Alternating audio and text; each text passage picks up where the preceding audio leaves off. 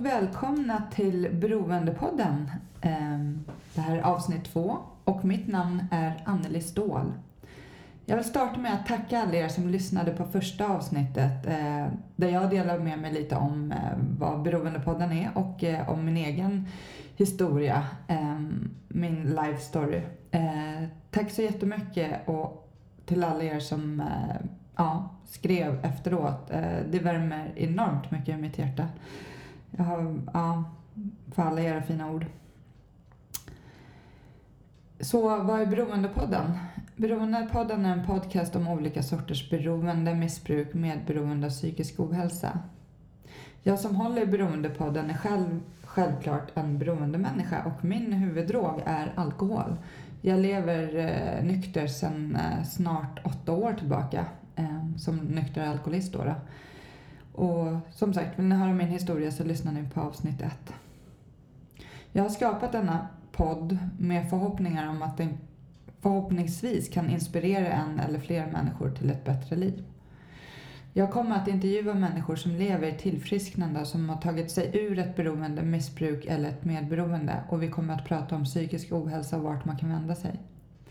Kolla jättegärna in hemsidan beroendepodden.com där står hur man kan stötta detta projekt, men sedan är även tanken att bygga upp den hemsidan så att ni som lyssnar vet vart ni kan vända er om ni har behov. Man kan också anmäla sig till Flatenloppet som är ett löplopp på 5,6 km den 17 september som också stöttar detta projekt. Så det finns flera olika sätt att eh, ja, stötta projektet ifall man tycker att den här podden behövs. Ehm, men nu vill jag släppa in dagens första gäst, eller Beroendepoddens första gäst, som är den fantastiska kvinnan Lisa. Jag är så otroligt tacksam över att, att fått chansen att träffa denna kvinna och tagit del av hennes historia. Lisa har en bakgrund med ett djupt heroinmissbruk. Eh, så vad var det som hände? Hur hamnade hon där? Hur kunde det gå så långt? Och hur kom hon ur det? Lisa kommer dela med sig om sin resa, hur det var, vad som hände och hur det nu är. Ja, jag stannar där och så tycker jag att vi lyssnar på Lisa istället.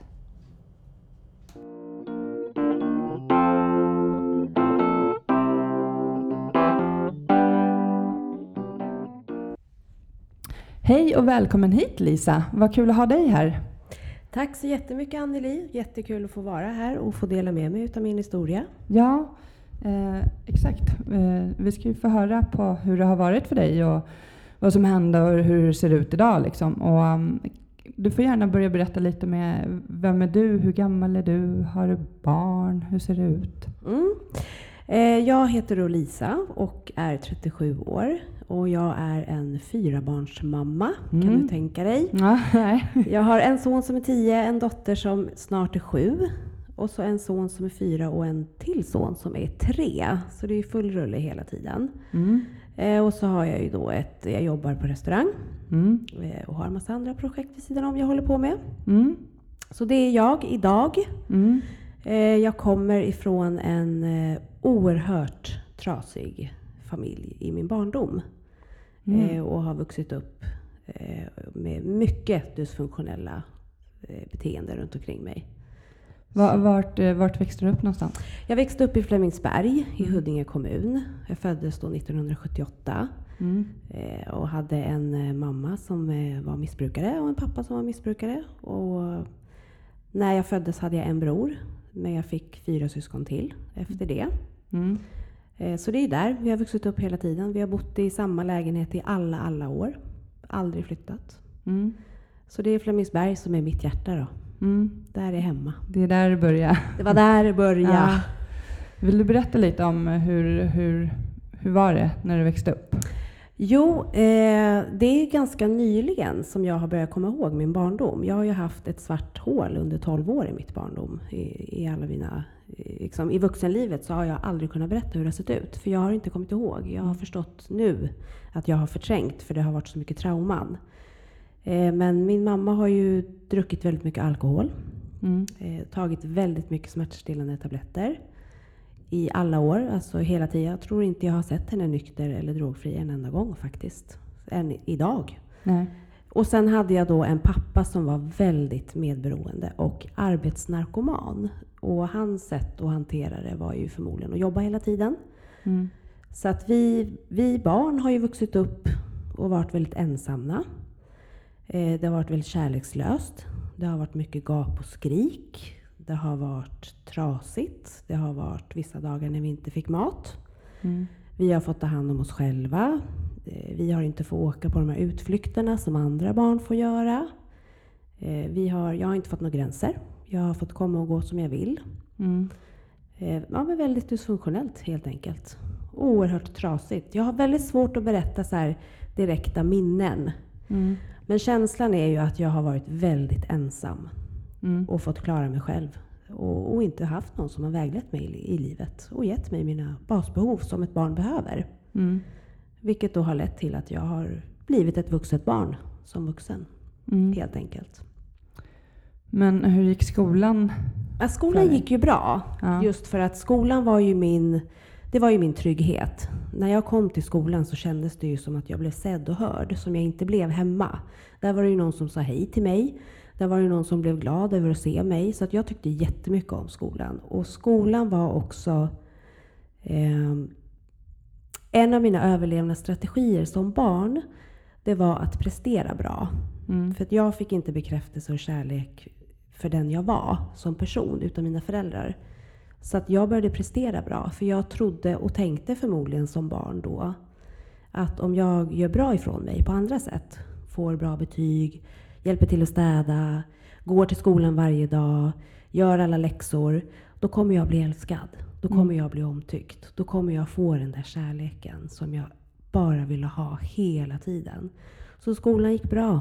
Alltså jag hade höga betyg redan från klass ett Mm. och var en riktig, riktig plugghäst. För att ja, men jag, ville ju, jag ville ju så gärna bli älskad och om jag gör bra ifrån mig så kanske, kanske, kanske någon tycker om mig på riktigt. Mm. Så skolan gick bra. Jag var alltid där och Mm. tyckte om att gå dit. Eh, och hade väldigt svårt för när jag skulle gå hem. Då, var, då kom ju hela den där ångesten. För i skolan så kunde jag släppa det som var hemma. Där fick jag låtsas att allting var bra. Mm. Det var min tillflykt kan man säga. Så det gick bra. Ja. Vad hände sen då? Du, eh, Mm. när flyttade du hemifrån? Ja, först kommer vi upp till tonåren då. Mm. Och då, när jag är 13 så hittar jag alkohol. Mm. eh, och provar. Och vi var ett tjejgäng på tre tjejer som alltid hängde med varandra. Så att när jag var 13 så hittade jag alkoholen första gången. Och, eh, och då började vi väl dricka lite grann, så här, någon helg då och då. Men det som blev, som var jobbigt i mina tonår, det var att jag hittade också killar. Mm. Och jag började använda sex som ett substitut för kärlek. Mm. Mm. Eh, och började flörta med allt och alla och gav mig själv till väldigt många män, eller pojkar, killar, vad jag nu ska kalla det när man är 13-14. Mm. För att bli älskad. Och jag kunde inte skilja på kärlek eller sex. För mig var det, om, om, någon, om jag hade sex med någon, då skulle vi gifta oss och skaffa barn Mm. dagen efter. Lite så var det. Och jag var väldigt klängig. Så såg det ut i min tonår. Att jag träffade mycket olika killar, jag drack lite då och då. Eh, Jag började snatta lite i affärer. Eh, Allt som kunde ge mig någon form av kick liksom. Mm. Eh, Men samtidigt så skötte jag ändå skolan alltid väldigt bra. Jag har gått ut alla skolor jag har gått med väldigt höga betyg. Och det är ju det här att jag då har presterat. Mm. För det har gett mig mitt egenvärde. Är, gör jag bra saker, då är jag bra. Mm. Har jag då tänkt. Och sen flyttar jag hemifrån. Eh, när jag är 18 flyttar jag och en tjejkompis till en lägenhet i Kärrtorp. Ja. Vår första lägenhet. Ja. Eh, och börjar jobba på McDonalds. Mm. Eh, och där någonstans så kan jag se idag att mitt liv började spåra ännu mer. Eh, mina föräldrar var ju jätteaktiva fortfarande. Eh, kontakten med dem bröts lite till. Eh, jag vände mig till dem när jag behövde pengar eller så. Ehm, och när jag var 19 så träffade jag en kille på jobbet på McDonalds Mm. som jag då blev tillsammans med. Som eh, ja, rent krasst psykiskt misshandlade mig under tre års tid. Dagligen. Där jag blev nedtryckt. Eh, jag fick höra hur dum i huvudet jag var. Hur ful jag var. Hur oduglig jag var. Att det var ingen annan som ville ha mig. Eh, han såg till att jag slutade jobba. Jag träffade inga vänner. Jag bröt med min familj. Alltså jag, det var liksom jag och han i allt. Jag flyttade hem till honom. Eh, och levde jätte, jätte isolerat Mm. med honom. Eh, och där började jag må ännu, ännu sämre. Och eh, det var också där som mina riktiga första självmordstankar eh, kom till, till liv i hjärnan. Jag orkade liksom inte leva så. Men då hittade jag också drogerna. Okej. Och det var då jag hittade haschet. Mm. Jag började ju röka hasch då när jag var 20 eller 21. Jag kommer inte riktigt ihåg. Mm. Eh, och då var det en barndomskompis till mig som jag stötte på någonstans någon gång. Jag kommer inte riktigt ihåg var och när och hur. Men som frågade om jag ville prova. Absolut, tänkte jag. Jag provar allt en gång. Sån är jag. Mm. Och jag hittade hem. Alltså det var, det var allt jag hade letat efter hela livet kändes det som. Det var som att allting jobbigt bara försvann. Det var, det var min grej helt enkelt. Mm. Det var jag och haschet efter det. Och jag började röka varje dag, hela tiden. För det gjorde att jag klarade av min odrägliga livssituation med den här mannen jag levde med Mm. och den här dåliga självkänslan jag hade. Jag slapp liksom känna och vara i det. Jag kunde få vara någon annanstans. Det kunde få bli lite lugnt i huvudet ibland. Mm. Och tack vare haschet så kunde jag också lämna den här mannen efter ett år. Efter ett års rökande så valde jag att skaffa mig en egen lägenhet och lämnade honom. Mm. Eh, Men då eskalerade också rökandet självklart. Och då, ja, då började jag söka mig till drogmänniskor, människor som hade det jag ville ha. Droger och kriminalitet och jag provade lite ecstasy, jag provade amfetamin. eh, Jag provade lugnande tabletter. Jag, men jag provade nog allt Mm. någon gång då och då. Men det var ingenting som fastnade så. Sen hittade jag, eh, efter ett och ett halvt år ungefär, så hittade jag Valium. Mm. Eh, Och det tyckte jag verkligen om. För det stängde ju av allting. Mm. Eh, Men det gjorde också att jag mådde mycket, mycket sämre när jag inte hade dem. För att jag hade dem inte så ofta. Mm. Och i en destruktiv tid där. Jag tror att det var ja, någon, en, två månader efter att jag hade lämnat den här killen. Eh, som jag kände bara att nu orkar inte jag leva något mer. Nu orkar inte jag det här. Nu får det vara bra. Mm. Så då drack jag en hel del sprit. Då var jag 21. Och tog några Valium. Och så ringde jag till min bästa kompis och sa att nu tar jag livet av mig. Idag förstår jag att det var ett rop på hjälp. Då så tror jag att jag trodde att det skulle hända. Men då kommer hon hem till mig i alla fall. Och, eh, för jag hade inte låst dörren heller eftersom hon kom in. Jag ville ju någonstans att någon skulle bara höra mig, se mig, hjälp mig. Mm. Så då hamnar jag på Huddinge sjukhus, på psykavdelningen. Och där kommer det in en kvinna från avgiftningen och tycker att jag ska gå in på avgiftningen och avgiftas från Mm. de droger jag håller på med. Eh, och jag, vilsen, 21, ingen liksom tillhörighet någonstans. Absolut, jag, jag följer med. Jag gjorde som alla andra sa, bara för att få, få vara en del av någonting Mm. hela tiden. Så jag går in på den avgiftningen. Och där träffar jag en 20 år äldre man. Som jag blir tokkär i. Jag blir ju blixtförälskad på en gång. Mm. Det är då en 20 år äldre man som håller på med heroin. Och han är där inne för att tända av från heroinet. Mm. Och det var ju mitt livs kärlek. Det var ju drömmen. Min kärlek skulle ju göra honom drogfri och hans kärlek skulle ju göra mig drogfri. Jag kan tänka mig att det är ganska klassiskt. Liksom, Mm. Vår kärlek ska rädda världen och oss själva ungefär. Mm. Så jag är väl där inne kanske sju dagar eller någonting. Och sen skriver han ut sig. För att han orkar inte vara där något mer. Och jag följer med. Eh, och då, samma dag flyttar han in till mig. Eh, jag hade en liten etta i Flemingsberg. Som jag då skaffade när jag lämnade den destruktiva relationen bakom mig. Så han flyttar in där. Och då, redan första kvällen han kommer dit, så frågar jag honom. För då ska han ta sina droger, vilket är heroin. Och då frågar jag honom rakt ut, ja, kan jag få prova? Jag vill också prova. Och han är lite tveksam sådär, men ska du verkligen? Ja, men jag vill. Eh, och sen den dagen så, så blev jag heroinist. Mm. Det var, jag hittade hem. Det var känslan jag hade när jag hittade haschet. Känslan i heroinet var väl ungefär tusen gånger starkare. Mm. Det var alla mina behov och känslor. Det bara dog. Det mm. bara tystades ner. Det var, ja, men det var så skönt, tyckte jag då. Att få slippa känna, tänka, vara vilsen, inte få tillhöra något, inte få ha kärlek. Alltså det snurrade så mycket i mitt huvud över allt som jag saknade och allt skit som jag hade levt i livet. Det fick jag äntligen tyst på med heroinet. Så att jag körde igång på en gång där också. Dagligen, mm. redan efter första dagen. Det var full rulle. Mm. Och det var liksom inget trevligt. Det, nej. det var väl mysigt sådär tre, fyra månader. Eh, tills jag förstod att jag var beroende av det och att jag var tvungen att ha det varje dag. Och det är en ganska dyr drog. Mm. Eh, så det krävs ju ganska mycket kriminalitet för att kunna försörja ett heroinmissbruk. Mm. Vilket ledde till ja, rån, eh, misshandel på andra människor. Jag stal pengar från min familj, mina nära och kära. Alltså allt jag kunde för att få pengar, det gjorde jag.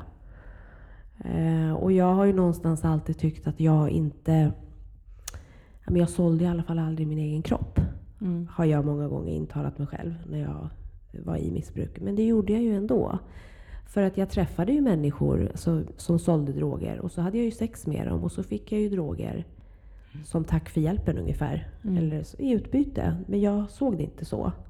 Utan jag såg det mer som att nej men jag har ju hämtat droger. Sen vad jag gör för att få de där drogerna, det gills inte. Det räknas inte. För jag går inte på gatan så där öppet som, som jag har hört och sett andra göra. Jag, var ju alltid, så jag skulle ju alltid vara lite bättre än alla andra. Mm. Det var ju så stor skam att leva på det sättet. Och mitt heroinmissbruk det tog ju ifrån mig hela mitt liv. Jag hade ju ändå jobb och lägenhet och jag hade mina syskon och min familj och vänner. Och jag hade ju ändå någon form av chans till ett värdigt liv. Tills heroinet kom in. Eh, för det, och det tog ju överallt. Det vart ju, det vart ju min bästa vän. Det gick ju fort tills jag förlorade lägenheten för jag betalade inte hyran. Jag blev ju av med jobbet. Jag kunde inte sköta ett jobb. Mm. Det var ju viktigare att vara hemma och droga ner mig. Mm. Och så förlorade jag ju lägenheten på köpet. Jag förlorade min familj. De tog avstånd och ville inte ha med mig att göra. För när jag kom dit så snodde jag deras pengar, saker, klockor, bankomatkort. Allt du kan tänka dig som var av värde. Som jag kunde byta till med droger för. Det tog jag ifrån dem. Jag eh, förstod inte alls vad jag gjorde för fel. Vadå? Jag behöver ju de där drogerna. Mm. Tyckte jag då. Ja, men så jag förlorade ju allting på drogerna. Och det slutade ju med att jag ja, sov hos, hos olika män för att ha någonstans att sova. Jag kunde också sova i trappuppgångar. Hade relationen med dig och han tagit slut då eller? Ja, vi hade någon form av relation men han var ju så upptagen med att fixa sina droger och mm. sälja och var, liksom flänga på sitt håll. Och jag var ju så upptagen med att fixa mina droger och ja, var upptagen, med att fixa mina grejer på mitt håll. För någonting som jag har levt med i hela mitt liv, som jag idag kan förstå också hade en avgörande roll i mitt missbruk, det är ju min skam. Mm. Jag skämdes ju för att tala om, eller fråga min relation då, han jag började med heroinet med. Men kan jag få droger av dig? För jag behöver, jag mår inte bra. Jag kunde inte göra det, för det var så stor skam för mig att inte kunna fixa drogerna själv. Så jag smusslade ju mycket. Jag kunde inte vara med honom på dagarna. Jag kunde inte hänga med honom, för jag var tvungen att fixa mitt Jag klarar mig själv. Jag kan själv. Mm. Det har ju varit något som har varit väldigt genomgående i mitt liv. Jag kan själv. Och, och roten till det, det är ju min skam mm. över att jag inte duger. Att jag inte kan. Att jag inte har rätt att fråga eller be om hjälp eller vad det nu är. Så vi hade väl någon form av relation. Men eh, inte sådär som en, som en parrelation ska se ut. Mm. Eh, och efter ett år med honom, från och till, eller vad jag ska säga, så fick jag mitt första LVM. Mm. Då var det min... Eh, om det var min bror och min mamma, tror jag, som hade ringt till socialkontoret då och ja, men anmält en oro för mig och att jag inte kommer överleva och sådär. Så då kom poli- polisen och knackade på hos den kille jag var hos då. Mm. Eh, hur de visste det, det har jag ingen aning om, men det är väl skitsamma. Eh, och då hamnade jag på mitt första LVM. Då fick jag åka till Örebro på en inlåst eh, ja, institution och fick vara där i sex månader. Mm. Eh, och gå runt i korridorer i princip. Och jag hade ju ingen som helst motivation till att bli drogfri. Jag ville ju inte det. Det är ju tanken med ett LVM. Ja, jag tänkte fråga, kände du inte liksom där att, nej men, hur hamnade jag här? Liksom, fick du inte en tankeställare? Liksom? Jag tror inte att jag fick det, för att jag var inte, eh, jag var inte redo att sluta. Mm. Jag, jag var nog mest bara arg för att jag hade hamnat där. Och jag tyckte att min, mina syskon eller min familj hade förstört för mig och sätter krokben för mig och ville jävlas med mig. Det var Mm. nog mer så. Och jag tyckte inte jag passade där. Eh, Jag var ju ung, jag var ju fortfarande fräsch, jag tyckte jag såg bra ut. Men jag har ju jobbat, jag har ju en utbildning, jag ska ju inte vara här. Mm. Jag kunde ju inte se att jag var en fara för mitt liv. Och andras liv, rent ut sagt. Jag fattade inte det. Jag kopplade inte ihop det så. Jag kunde verkligen inte se att det var heroinet som hade fått mig dit. Mm. Det var drogerna som hade gjort att jag hamnade där. Men jag, nej, jag kopplade inte så. Jag var bara arg. Och jag bara gick och väntade ut tiden. Och jag rymde ju några gånger för att, kunna ta droger. Men blev ju alltid tagen av polisen. Och tillbakakörd. Men sen efter sex månader när jag kom ut så fortsatte jag ju. Jag körde ju på. Och det var ju droger dag ut och dag in. Och jag gjorde allt jag behövde göra för att få tag på drogen. Det fanns inga hämningar, inga gränser. Det var jag och drogen. Som, det var jag och drogen mot världen. Mm. Och alla människor som jag behövde skada, behövde såra, behövde ljuga för, manipulera, göra illa på vägen för att få mina droger. Det var inga problem att göra det. det var, drogen bestämde hur jag skulle vara helt enkelt. Den styrde allt. Allt, allt, allt. I allting, Mm. rent ut sagt. Och så såg det ut i några år. I tre år. Mm. Allt som allt så använde jag heroin nästan i fyra år. Eh, och på de, i de fyra åren så har jag haft tre LVM. Eh, jag har försökt göra några såna här behandlingar för att bli drogfri. Men jag har aldrig haft motivationen. Jag har inte velat. Det har varit för tungt att leva i verkligheten. Det har Mm. varit för smärtsamt. Jag eh, kände så starkt att jag inte hade någonting att leva för. Jag hade liksom ingenting att komma tillbaka till. Hur skulle jag kunna leva ett normalt liv som, som har vuxit upp så trasigt och drogat ner mig så många år? Hur ska jag orka? Hur ska jag klara? Hur gör man? Hur var relationen med dina föräldrar och syskon då, då eh, under den här eh, tiden med heroin? I början så var den okej. Ehm, mina syskon tyckte ju att det var jättetokigt. Eh, min pappa var ju oerhört ledsen eh, och förtvivlad. Eh, och jag försökte ju att vara mycket med mig själv Mm. eh, och inte liksom störa dem i, i, i mina drograce, om jag ska kalla det så. Min mamma däremot, det var ju lite annorlunda. Eftersom hon själv var en missbrukare. Eh, jag kommer aldrig att glömma när jag berättade för min mamma när jag hade börjat röka hasch. Eh, när jag skulle berätta för henne att ja, men jag tar droger och jag behöver din hjälp. Då gick jag hem till henne och så bara, "Ja, men jag har någonting att berätta. Jag bara, "Ja, vad är det då? Eh, ja, men det är så här att jag röker hasch och jag tar droger. Jaha, men det är väl inte så farligt? Var det bara det? Jaha, Mm. okej. Och då kände jag så här, men jaha, ja, men då kanske det är okej då. Det kanske inte är så farligt då. Men det tyckte ju inte hon, för att hon själv var en missbrukare. Mm. Så hon hade ju själv inte det här sunda tänket att hennes barn tar droger, hur gör jag för att hjälpa till? Eh, utan det blev mer, hennes barn tar droger, nu har jag en drogkompis. För hon, redan där i haschmissbruket så betalade ju hon gärna mina droger. När jag inte hade pengar till droger, då kunde jag alltid gå till henne. Jag fick ju vara hemma hos henne. Eh, hon frågade mig några gånger om hon fick prova. Eh, jag gav det aldrig till henne. Hon fick hålla sig till sina tabletter och, och, alkohol. Men vi knarkade tillsammans. Hon på sitt och jag på mitt. Och eh, hade det lite så halvtrevligt och mysigt vissa gånger och halvskrikigt och bråkigt andra gånger. För mig var det ju också jättebekvämt att jag hade någon som betalade. Att jag alltid hade någonstans att ta vägen. Även fast jag förstod hur sjukt det var så var det ändå en trygghet. Mm. För då hade jag alltid någonstans att vara. När jag inte kunde vara hos någon kille eller hemma i min lägenhet. Eller när jag var pank eller när jag behövde mat. Eller hon fanns ju alltid där i det här sjuka. Mm. Och det var samma sak när jag höll på med heroin. Det var också sådär att hon gärna betalade. Hon följde jättegärna med till Plattan och handla. Det var inga konstigheter alls. Mm. Eh, hon tyckte nästan att det var ja, men lite häftigt sådär, upplever jag det som. Hon fick vara, hon, jag känner det som att hon fick vara fri och vara sitt sjuka i det här. Mm. För att hon har ju också alltid varit en sån som smusslar med sina tabletter och alkohol. Och det ligger förmodligen jättemycket skam i henne också. Men här kunde vi då, då blev det en öppning för henne. Här fick hon vara eh, fri i sitt missbruk tillsammans. Men hon fick en missbrukarkompis och det fick jag med. Mm. Eh, och vi höll varandra hårt så. Jag kommer ihåg en gång, jag kommer aldrig någonsin att glömma det, när jag skulle åka på mitt andra LVM. Eh, då hade jag tänt av hemma först. För att tända av, det var ju ingen picknick. Och på LVM-hem så tände man ju av utan någon medicin alls.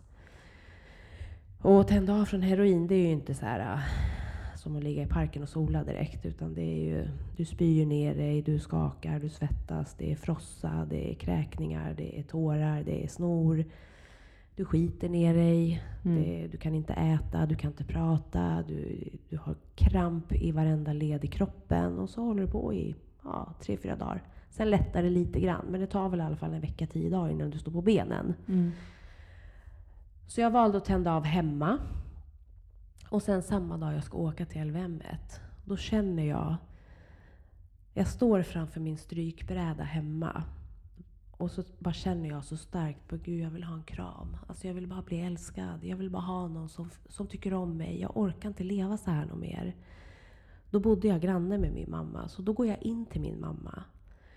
Och så säger jag till henne, det är en av de första gångerna som jag vågar visa min sårbarhet inför henne. Och då säger jag till henne, mamma jag är jätterädd. Jag är verkligen jätterädd.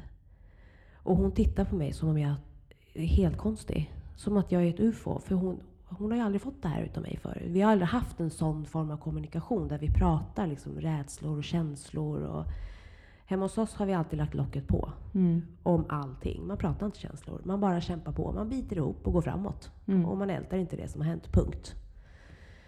Men jag får ingen respons på det där. Och det gör ju mig ännu mer ledsen. Så då går jag hem till min lägenhet.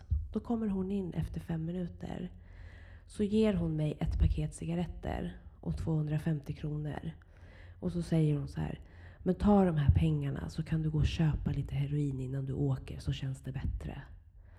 Och du vet den, Mm. alltså den sitter så djupt i mitt huvud. Liksom, hur, kan man, hur kan man göra så? Mm. Jo, men man kan göra så för att hon själv var sjuk.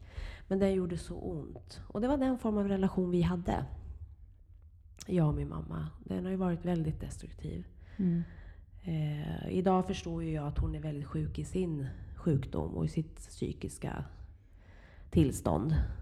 Eh, och inte själv har koll på bitar. Eh, hon har inte vetat hur hon ska göra, helt enkelt. Mm. Så det har ju varit väldigt destruktivt. Och väldigt... Ja. Hon blev ju kär i en och annan kille som jag hade. Hon tyckte det var helt okej att sitta och flörta med mina pojkvänner. Det var som en sport för henne. Liksom. Det var nästan som att hon ville ha mitt liv. Mm. Lite så. Hon började leva genom mig. Jag kan inte förklara det riktigt. Men oerhört knepigt. Och du som själv är mamma idag, det måste vara jätte... Jag kan inte ens tänka mig Nej. Alltså, att, ha mina, att se mina fyra barn framför mig och tänka på det jag själv har blivit utsatt för, eller mina egna erfarenheter i, i min barndom och i mitt missbruk med min mamma. Mm. För mig är det jättemärkligt. Mm. Alltså det, jag förstår inte. Jag förstår inte alls hur man kan... Hur kan man göra så? Mm. Jag skulle aldrig kunna tänka mig och... Nej men jag kan inte ens tänka mig. Nej. Nej, det är nog inte många som kan tänka Nej, sig in i. och det, det, är så, det är så långt ifrån det här friska, normala som Ja. det bara kan bli. Men så var det ju också även de gånger jag försökte bli drogfri. Mm. Då ringde ju hon till mig när jag satt på behandlingshemmen. Och liksom, "Men kommer du inte hem snart? Kommer du inte hem snart? Vad fan, där är ingenting. Där ska du inte vara. Det är bara skit. De gånger jag försökte gå i terapi för att må bra. Mm. Nej men du ska ju inte gå i terapi Lisa. Det är ju bara familjeförstörare. De bara tutar i dig massa jävla lögner de där terapeuterna. Du ska inte lyssna på dem. Mm. Det var det stöd jag fick. Men, men hur hittade du, hur kom du ur? Jo, men det var när jag, när jag fick mitt sista LVM. Eh, då hade jag hållit på med heroin i fyra år. Mm. Eh, och sista halvåret, året, då var det så trasigt. Jag hade ju ingen bostad, jag hade ju inga pengar. Jag hade ju inget egenvärde, jag hade inga vänner, jag hade ingenstans att ta vägen. Eh, det kunde gå flera dagar utan att jag fick någon mat i mig eller vätska överhuvudtaget. Eh, Jag var glad om jag fick i mig droger varje dag. Jag hade inte förmågan att fixa droger själv längre för att jag var så trasig och förstörd och rädd. Mm. Så jag fick ju alltid liksom hänga på en kille. Eh, och det var ett ganska högt pris att betala. Eh, jag fick ju sära på benen när, när han ville att jag skulle göra det. Jag fick följa med och sälja drogerna. Eh, jag drogs med till kvartar. Eh, jag blev nedtryckt. Jag blev eh, trakasserad psykiskt. Jag blev kallad alla möjliga namn du kan tänka dig av de här killarna. Jag blev ju totalt utnyttjad. Mm. Och jag var helt slutkörd. Jag tror att jag tände av oftare än vad jag tände på sista året.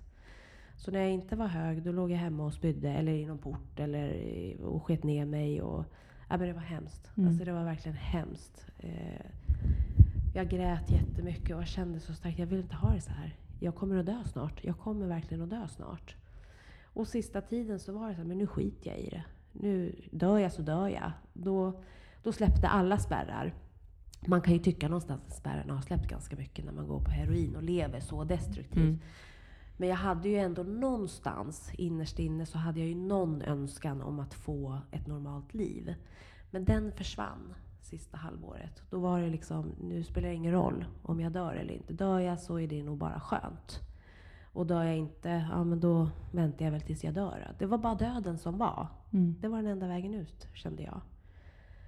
Eh, och då fick jag ett LVM. För att de runt omkring mig, familj. Tack och lov för min familj ändå. Mm. Eh, såg att det här är inte bra.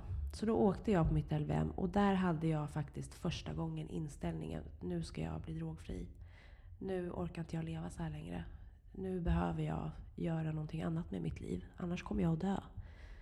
Och då, där fick jag tillbaka min livslust. Så att jag bodde på ett LVM-hem, eh, också i Örebro, samma som tidigare. I sex månader. Eh, och därifrån så sökte jag mig vidare till ett behandlingshem ute i Norrköping som bara var för kvinnor. Eh, för jag vågade inte åka till ett behandlingshem där det fanns män. För då hade jag sökt bekräftelse Mm. och, och egenvärdet i de män som fanns där. Då hade jag fokuserat på det istället. Mm. Och när jag kom till det här behandlingshemmet, då bestämde jag mig för, samma dag som jag klev innanför tröskeln, då bestämde jag mig för att det får ta den tid det tar. Eh, innan hade jag sagt att jag ska vara här en månad, jag ska vara här två månader, eller ja, jag gör det här halvhjärtat, eller ja, vad fan, jag är väl här och tänder av och äter upp mig, sen går jag ut igen. Men den här gången så kände jag bara att nej, det får ta den tid det tar. Det får göra så ont det gör. Nu jävlar måste jag bli drogfri, annars dör jag helt enkelt. Så jag bodde på det behandlingshemmet i ett år. Mm. Eh, där jag fick prata väldigt mycket om min barndom, hur det hade sett ut, hur jag har vuxit upp, vilka skador jag har fått med mig, vilka beteenden som har förstört för mig själv. Jag fick älta. Jag fick Mm. sätta ord på min sorg, eh, min ensamhet. Och jag fick en terapeut som bekräftade att det var okej och att jag duger. Och det är inte så konstigt att du mår som du gör. Det är inte så konstigt att du hittar de lösningar du har hittat. Men nu gör vi annorlunda. Jag fick bli sedd och hörd för första gången i hela mitt liv. Mm. På riktigt, för den jag var.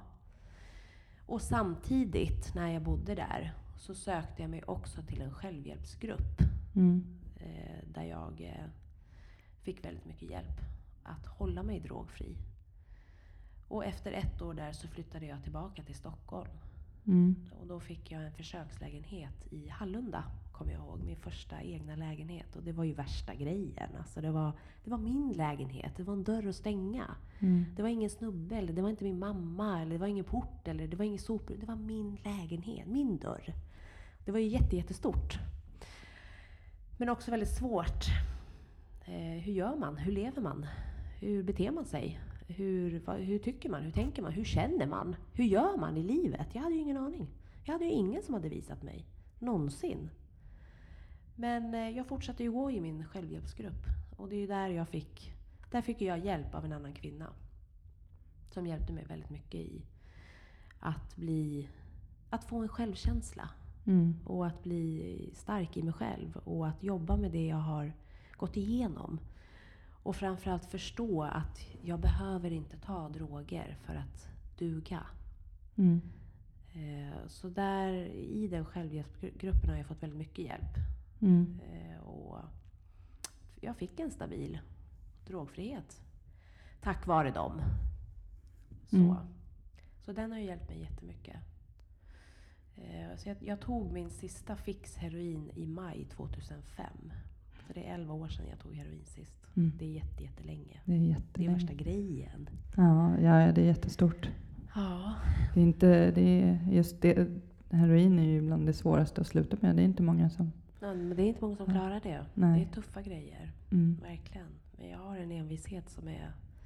När jag väl har bestämt mig för någonting, då blir det så. Mm. Då jävlar liksom.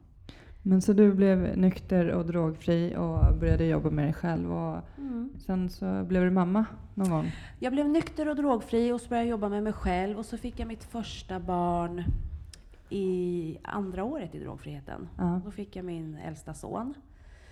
Eh, och jag fick honom själv.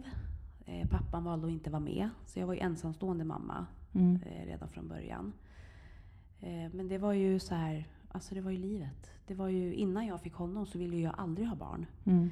Det var liksom, nej men jag vill inte ha barn. De låter, de är jobbiga, det är ansvar. Nej men gud, det går inte. För att jag själv var ett barn förmodligen. Men när jag fick honom, det var, ja, men det var livets mening. Det var mm. verkligen livets mening. Verkligen. Men idag kan jag se att jag fortfarande hade så mycket skador kvar från min egen barndom. Mm. Eh, som om jag hade haft svaren idag så hade jag nog valt att skaffa barn lite senare. När jag hade varit färdig med mig själv. Mm. För jag fick honom och sen så tre år senare, två år senare, två och halvt, då fick jag min dotter. Mm. Och sen tre år efter det, då fick jag mina två söner, min yngsta söner, de fick jag efter varann. Mm. Så det har ju varit fullt upp hela tiden. Och någonstans så har jag inte riktigt haft tid att stanna upp och ta hand om mig själv ordentligt. Mm. Jag har ju bara kört på. Just för att den här prestationen, den har suttit där hela tiden. Mm. Även fast jag blev drogfri och jobbade med mig själv. Så har jag ändå haft min prestationsproblematik med mig hela tiden. Eh, som jag idag, tack och lov, har fått arbeta bort. Då, eller den, den gör sig påmind lite då och då, men jag vet vad jag ska göra och när den kommer. Mm. Så ja, 2006 föddes min son. Och 2009 min dotter. Och så 12, 11 och 12 mina två andra söner. Mm. Eh, och det är ju, bara det är ju en välsignelse. Vet, ibland när jag kommer hem från jobbet och jag kan bli så rörd bara jag tänker på det. Hur det ser ut idag och hur det såg ut för tio år sedan för tio år sedan när jag kom hem eller kom hem till någon eller klev innanför en dörr, då var det mörker och droger och svart. Mm. Idag när jag kliver innanför min dörr, då har jag fyra barn som bara springer till dörren. Och, mamma, mamma, mamma, åh du är hemma, har du godis med dig, har du det med dig, har du det med dig? Och en sambo som har saknat mig och som, som jag delar mitt liv med. Mm. I, I alla liksom med och motgångar. Mm. Och har fått förmågan att, att leva ett värdigt liv idag. Mm. Eh, och idag mer än någonsin. Eh, mitt sista år har ju varit helt fantastiskt. Det, det, har, ju, det har ju hänt jättemycket med mig mm. mitt sista år. Nu här 2015, det var ju mitt år. Ja. För då gjorde du ju något, för du hade ju börjat jobba med dig själv men eh, ja. sen så kände du att det kanske inte räckte med den här självhjälpsgruppen bara? Nej, utan precis. Utan, för jag jobbade i den här självhjälpsgruppen och i den självhjälpsgruppen så, så fick jag ju jobba med, med min drogproblematik. Mm. Liksom hur, hur jag ska låta bli att ta droger. Mm. Vad är det som gör att jag tar droger? Och, och liksom hur, vad gör jag när jag blir sugen? Vad ska jag inte göra? Vem ska jag ringa? Vem ska jag inte umgås med? Lite mycket praktiskt Mm. fick jag hjälp med där. Hur jag ska gå tillväga för att leva ett drogfritt liv. Mm. Eh, men jag upplever det idag som att jag då inte fick jobba med mina känslomässiga problem som jag har haft som barn. Mm. Och de har ju då förföljt mig hela tiden, upplever jag. Det är min, min verklighet. Och där har ju jag då, eh, jag var med om en väldigt traumatisk upplevelse i mars 2015. Mm. Där det kom fram ett stort svek i, i min familj. Som gjorde att jag kraschade. Mm. Helt och hållet. Eh, allting som jag trodde att jag var, allting som jag trodde att jag hade. För jag trodde jag hade ett bra liv och det, det hade jag förmodligen. Eh, men jag hade nog inte det här känslomässiga bra livet som jag har idag. Mm. Men då kom ju den kraschen. Eh, och det är precis som när man ser på film. Så kändes det när jag fick veta det, det jag fick veta då. Eh, det var en isande känsla från tårna till huvudet. Mm. Och jag bara kollapsade. Jag kände verkligen hur del och del och del i min kropp, kropp bara la av. Jag slutade fungera. Och jag visste inte vad jag skulle göra. Och jag, det kändes som att hela mitt liv var slut. Eh, så jag sjukskrev mig. Jag gick till en läkare som skrev ut lugnande tabletter och sömnmedicin. eh, för det var min lösning. Mm. Det var ju så jag alltid hade gjort när det blev tufft. Och det hade jag i ungefär en månad. Sen fick jag en remiss till en eh, psykolog. Eh, och när jag träffade henne första gången, då förändrades. Då började jag leva. Alltså om jag har haft ett bra liv i min drogfrihet så blev mitt liv ännu bättre. Det blev ett liv. Mm. Ett riktigt... Jag började leva. Jag känner mig levande idag. Och i den terapin som jag har gått nu sista året så har jag fått jobba med mitt lilla barn. Jag har fått jobba med självkänsla.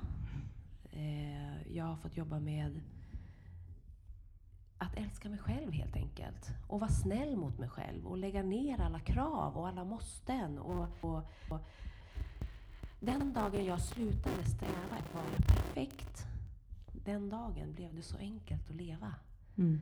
Eh, och, och idag är det så viktigt för mig att inte styras av skam, att våga vara sårbar, att våga be om hjälp, att vara här och nu. Jag behöver inte sitta och planera vad jag ska göra om tre månader. Jag lever idag. Mm. Vad har jag runt omkring mig idag? Att vara tacksam för det. Eh, Men det största som jag nog har fått sista året, det är den här självmedkänslan. Att ta hand om mig själv. Och att jag har fått förståelse för att när jag som barn har levt i en väldigt traumatisk uppväxt så har jag lagt på mig många beteenden för att överleva. Mm. Jag har börjat prestera. Jag har slutat prata. Jag har stängt in mina känslor. Jag har lagt locket på. Jag har gjort massor för att överleva dagen som barn i den destruktiva miljö jag växte upp. Mm. Och alla de beteendena har ju följt med mig till vuxenlivet. Och de har ju gjort sig påminda i alla mina relationer. Till kollegor, vänner, barn, familj, till allt. Men jag har inte förstått det. Jag har inte sett det. Det har jag förstått nu sista året när jag har fått jobba med det här lilla barnet. Eh, Jag har ju varit livrädd för att bli övergiven. Det är jag inte idag. Mm. Jag har ju varit livrädd för att uttrycka mina känslor. Det är jag inte idag. Idag klarar jag av att sätta gränser. Eh, om någon kränker mig eller gör mig illa, då kan jag, det här känns inte okej. Det är inte okej att du gör så mot mig. Det kunde inte jag för ett år sedan. Det kunde Mm. inte jag för två år sedan. Jag hade alltid dåligt samvete för allt jag gjorde, allt jag sa, allt jag var. Mm. Och jag hade en oerhörd skam över hur jag var som person. Har jag rätt att sätta gränser? Har jag rätt att, att göra saker för min egen skull? För mig kunde det vara så illa att om jag skulle åka iväg och fika med mina tjejkompisar, då kunde jag må dåligt en hel vecka för det, för att jag lämnade mina fyra barn hemma. Mm. Nej men så kan man ju inte göra som mamma. Man måste ju vara med sina barn hela tiden. Så trodde jag. Då var man en bra mamma. För det var så mycket skam i hur jag var. Mm. Och när jag förstod vad den här skammen gör mot mig. Och när jag fick bort den i mitt tunga arbete med mig själv så blev livet så mycket enklare. Och det har inte varit lätt. Det har inte varit någon picknick. Alltså det har nog varit det svåraste jag gjort. När jag kraschade här i mars så fick jag en ångest som heter duga. Det känns som att alla mina sår och traumatiska upplevelser som jag har tryckt ner i 37 år, de kom upp till ytan på en och samma gång. Min terapeut sa det till mig när jag gjorde min behandling för mina droger år mm. 2003. Då sa hon till mig så här.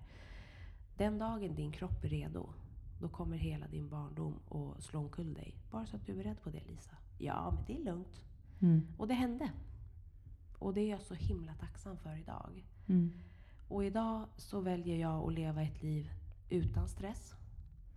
Utan prestation, utan krav. Jag har människor runt omkring mig som tycker om mig, som pushar mig framåt, som inte trycker ner mig. Som låter mig vara den jag är. Jag skäms inte för den jag är. Jag är snarare stolt över den jag är. Jag har en jättefin relation till mina barn. Eh, vi har en otrolig öppenhet i samtal och samspel. Jag vågar göra bort mig, bara det. Mm. Jag kunde inte vara spontan förut. Jag kunde inte larva mig. Mm. Jag kunde liksom inte vara glad. Jag kunde inte komma hem och fåna mig inför barnen, för då skämdes jag. Så fick man inte göra. Jag kunde inte tappa ansiktet någonstans. Men idag kan jag göra det när jag vill, hur jag vill. Mm. Häromdagen så satte jag mig på jobbet och bara började gråta för jag var så trött. Mm. Och de runt omkring men gud vad gör du Lisa? Jag gråter. Men varför? För att jag är trött. Mm. Och det är okej. Okay. För att jag vågar vara jag idag. Och idag kan jag också se att det jag har drogat mest på när jag har varit aktiv, det är skamkänslorna. Skam och värdelöshetskänslor. Mm. När jag känner att jag inte duger eller räcker till precis som jag är och känner mig värdelös, då står jag inte ut med den känslan. Och då har jag behövt ta droger på den känslan för att slippa. För det har varit så jäkla obekvämt att vara i den känslan. Och den måste jag fly ifrån, för jag vet inte hur man hanterar den. Mm. För det är ingen som har lärt mig det. Och då tar jag lite droger på det. Och så slipper jag känna det. Och så måste jag ta det med droger och mer och mer. Idag slipper jag det. Mm. För att jag har lärt känna mig själv och mina sår och mina beteenden så himla grundligt att jag märker ju direkt, men nu skäms jag eller nu känner jag skam. Jaha, okej, okay, varför det? Nej, men jag duger ju som jag är. Det kan hända att jag ibland tänker på droger. Bara, men gud vad schysst det skulle vara att ta ett glas vin. Nej men vänta nu Lisa. Vad är det som inte stämmer? Varför vill du ta ett glas vin? Antingen för att jag har presterat för mycket eller försöker prestera. För att jag känner att jag har, inte räcker till, att jag inte duger som jag är. För att jag är för mycket uppe i varv, mm. helt enkelt. För att jag inte tar hand om mig själv. Mm. Och när jag då kan lära känna mina beteenden, då kan jag också få leva i frihet. Och när jag känner att jag duger som jag är, så kan jag också få leva i frihet. För att, att jag idag kan sitta och säga att jag älskar mig själv och att det är sant och att jag tror på det själv. Alltså det är helt otroligt. Det är helt otroligt. Det är så här, va? Kan det vara så? Ja men det kan mm. det. Och det här året ska jag fokusera på att uppfylla drömmar. Mm. Alltså jaga mina drömmar. Ta det lugnt. Och, och, jag är värd det. Just det här egenvärdet. För mig är det roten till, till ett lyckligt liv. Att känna att man duger som man är. Mm. Ett egenvärde. Och det får jag genom att ta det lugnt. Älska mig själv, beröm mig själv, fokusera på det positiva, inte det negativa. Hur självkritiska är vi inte i dagens samhälle? Mm. Vi slår ju på oss själva hela tiden det här är inte tillräckligt bra, vi hinner inte tillräckligt mycket, vi har inte tillräckligt mycket pengar, vi har inte tillräckligt mycket kompisar, mm. skor, kläder. Vi äter inte tillräckligt bra, vi sover inte tillräckligt. Det är alltid så mycket, men vi gör inte nog. Mm. Nej, men jag tycker att jag gör ganska nog med mm. det jag gör. Alltså det jag gör är bra. Fokusera på det som är bra. Fokusera på det positiva. Och låt inte skam stå i vägen för ett fullvärdigt liv. Så känner jag. Och sårbarhet.